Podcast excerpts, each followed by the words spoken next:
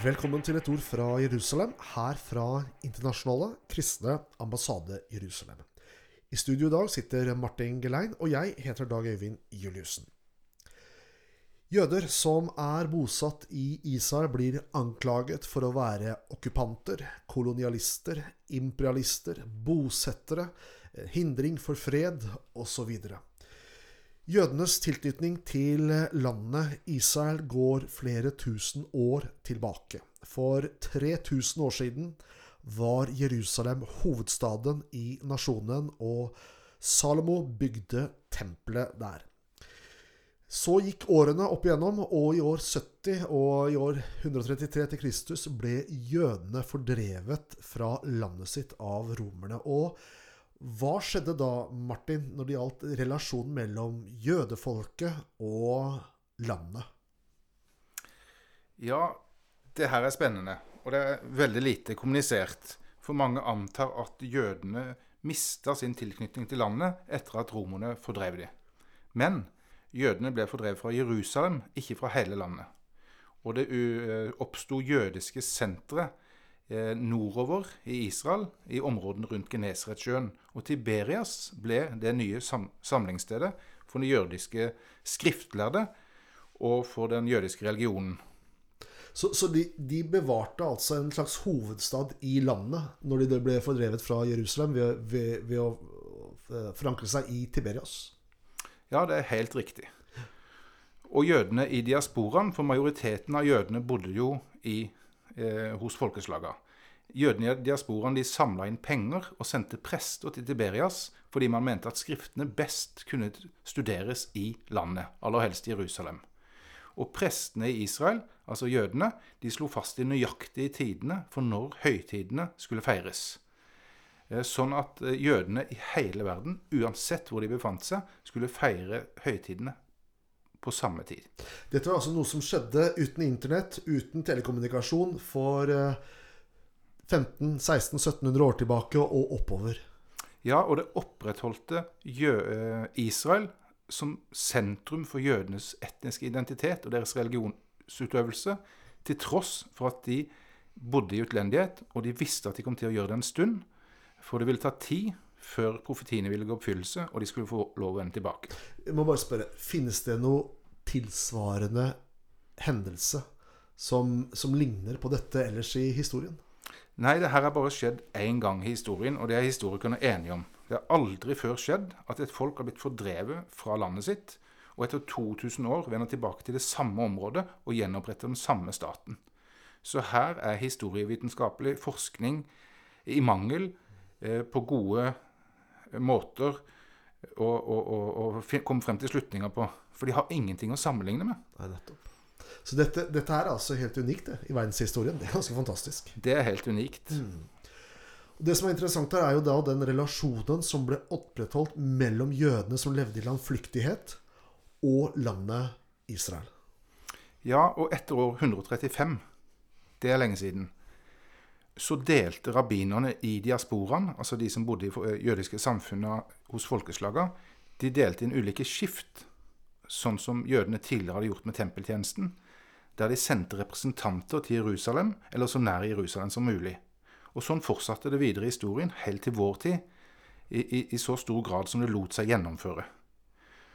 Og Dermed blir det ikke relevant hvor mange jøder som enhver tid befant seg i landet, men at det alltid har vært en tilstedeværelse der, og at det har fortsatt, fortsatt å være sentrum for jødisk identitet og den jødiske religionen. Mm. Og i tillegg så vet vi jo eh, at eh, jødene gjennom historien ba neste år i Jerusalem. Enten de var i øst eller vest, nord eller syd. Så var denne, eh, denne forventningen, dette ønsket, denne lengselen om å komme tilbake til landet, den var vedvarende gjennom alle disse generasjonene. Ja, det er veldig spennende. Og jødedommen er jo ikke så opptatt av en sånn tåkete evighet eh, som vi kristne. men de mer, eh, forholder seg mer til, til nåtiden. Mm. Men jødiske eventyr eller fortellinger de forteller det at når de døde skal stå opp, så vil det skje i Israels land.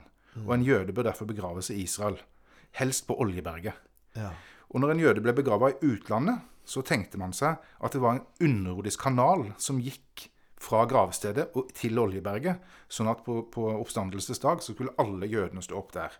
Og jødene forsto at dette var eventyr, men det viser at alt som skjer i jødisk liv, er knytta til Israel, og at alt til slutt ender opp i Israel. Ja, Interessant. Det her skal vi snakke mer om, Martin, men først skal vi høre på litt musikk.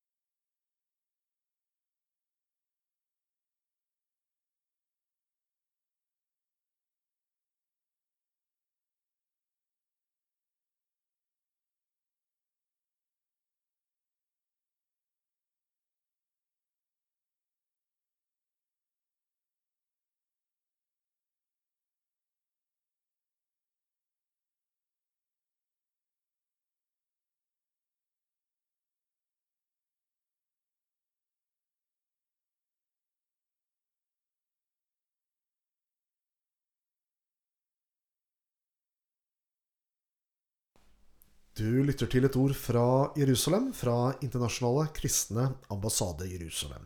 I studio i dag sitter Martin Gelein, og jeg heter Dag Øyvind Juliussen. Vi samtaler om den jødiske tilknytningen til landet. Jødenes historie i, de, i landet Israel går flere tusen år tilbake. Og så har det vært ca. 2000 år med diaspora og landflyktighet, hvor jødene har vært fordrevet ut over hele verden. Men vi hørte her før musikken at det var en sterk connection, sterk forbindelse mellom eh, jødene som levde i diasporaen, og landet Israel opp gjennom historien, Martin. Ja, og det har alltid bodd jøder i Israel. Historien vitner om utallige massakrer, både av kristne og muslimer, og at jødene har levd som en undertrykt minoritet i hjemlandet sitt. Men langvarig eksil og fordrivelser endrer ikke det faktum at jødene er urfolk i Israel. Hmm. Og urfolk har rett til å vende hjem, gjenvinne tapte eh, tradisjoner og tilpasse seg miljøet sitt igjen. Og det er det avkolonialisering handler om. Så opprettelsen av Israel er langt mer et avkolonialiseringsprosjekt ja. enn kolonialisering. Interessant. Og historien levner ingen tvil om det. Mm.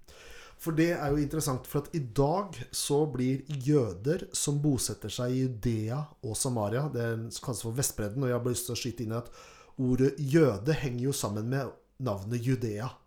Eh, men jøder som bosetter seg i dag, eh, er, blir omtalt som bosettere Eh, og også jøder ellers i landet Israel blir omsatt, om, omtalt som kolonialister og okkupanter og imperialister, innflyttere og bosettere. Men det du legger fram her, Martin, det at jødene er urbefolkningen i området. Ja, det har aldri eksistert noen annen stat i dette området. Eh, Jerusalem har aldri vært sentrum for noe annet folk.